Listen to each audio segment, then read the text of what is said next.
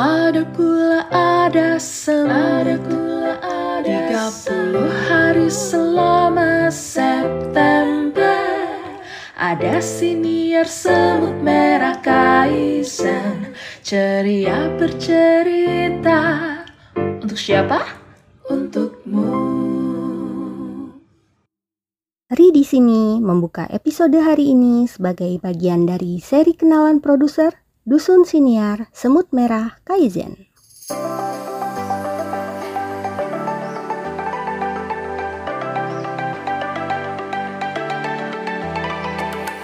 Di bulan September ini, ingin mengajak para pendengar sekalian untuk mengenal lebih jauh individu hebat di balik layar produksi siniar komunitas Semut Merah Kaizen.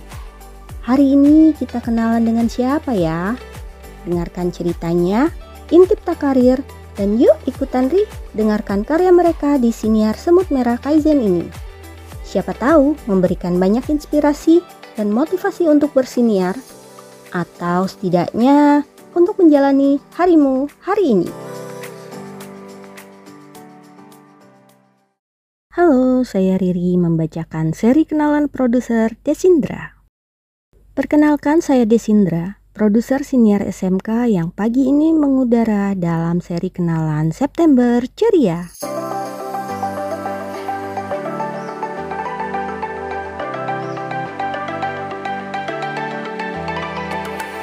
Sehari-hari saya adalah ibu bekerja yang memiliki dua anak gadis.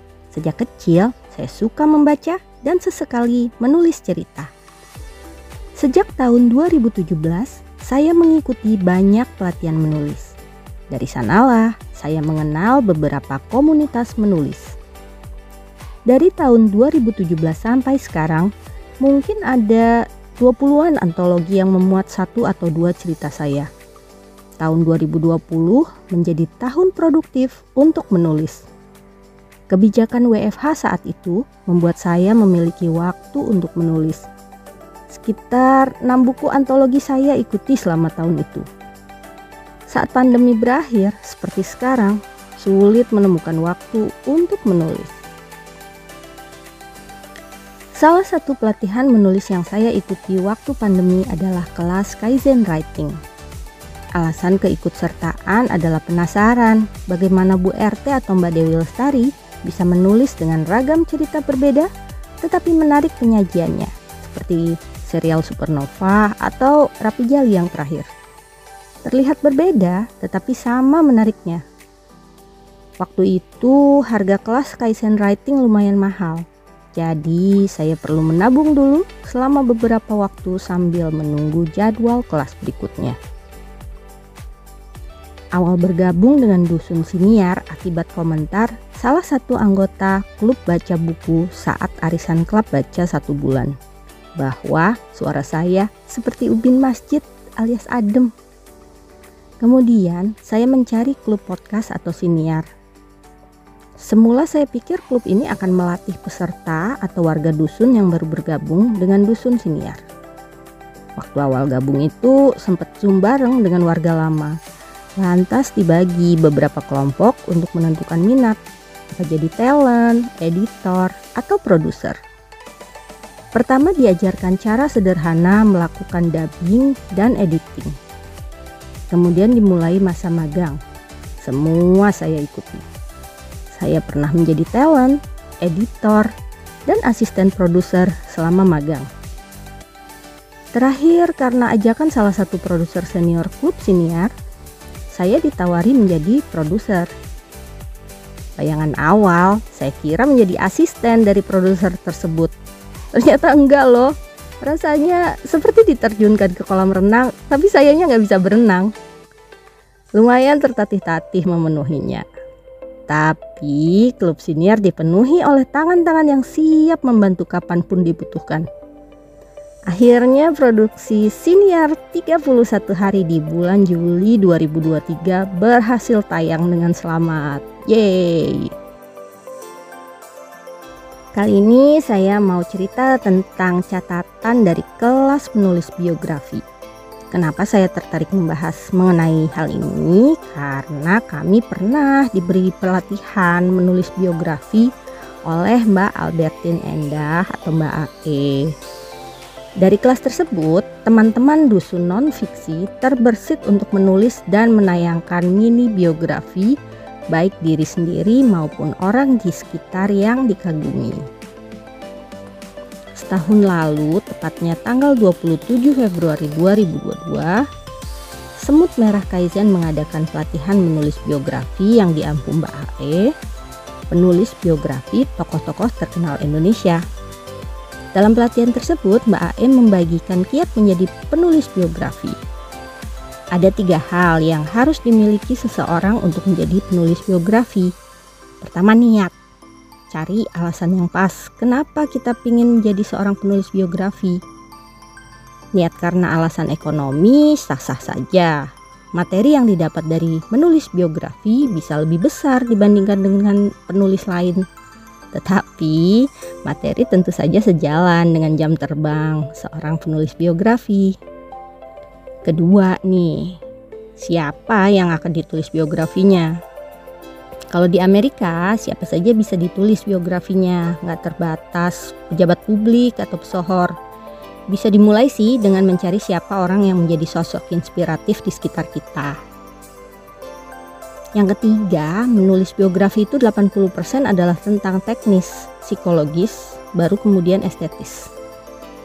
Teknis dalam menulis biografi mencakup banyak hal. Yang mendasar adalah penulis biografi itu harus tahu niat dari tokoh yang akan dituliskan biografinya.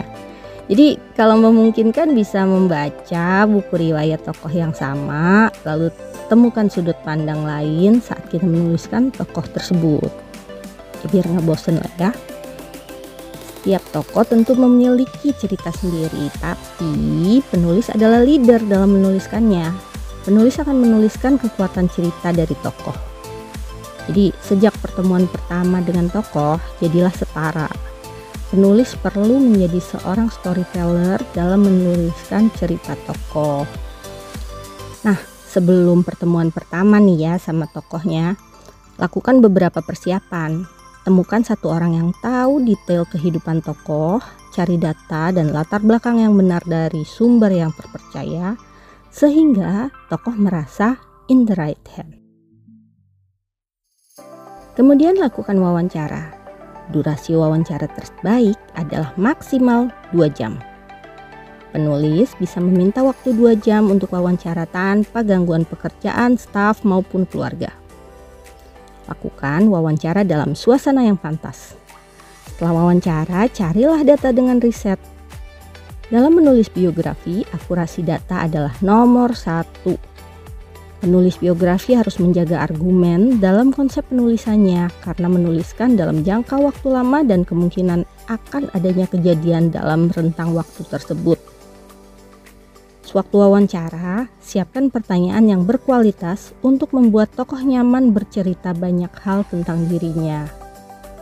Tanyakan di waktu apa tokoh merasa berada di titik terendah dalam hidup atau sebaliknya di titik tertinggi. Jika menemukan tokoh yang bicaranya datar-datar saja, cobalah membawa tokoh ke tempat-tempat bersejarah baginya untuk memancing cerita. Menurut Mbak AE yang perlu diingat itu jangan melakukan wawancara secara terus-menerus selama 7 bulan. Namun, hasil wawancara baru ditulis di bulan ke-8. Sebaliknya, setelah wawancara bulan pertama dan kedua, segera buatkan bab awal tulisan hingga masih terasa emosi dari tokoh. Lakukan time management yang baik serta disiplin mematuhinya sehingga mood tidak lagi menjadi penghalang bagi penulis. Saat memulai penulisan, coba pelajari beberapa penulisan biografi. Salah satunya dari penulis Andrew Morton yang menulis biografi Lady Diana.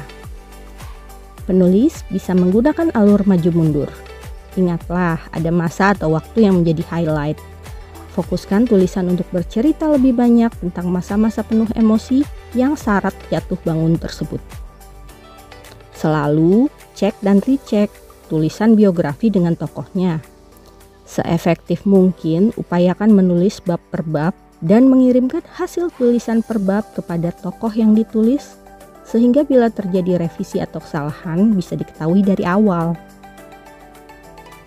Yang selalu ditekankan Mbak AE adalah penulis biografi harus mencantumkan namanya di cover buku biografi selain nama tokoh. Hal ini merupakan suatu penghargaan kepada hasil jerih payah penulis melakukan penulisan, wawancara, dan riset. Siapa lagi yang akan menghargai tulisan kita kalau tidak kita sendiri yang menuliskannya? Demikian catatan saya dari kelas menulis biografi. Jadi apakah kamu sudah tertarik menulis biografi? Yuk kita mulai dengan menuliskan mini biografi diri sendiri. Selamat menulis!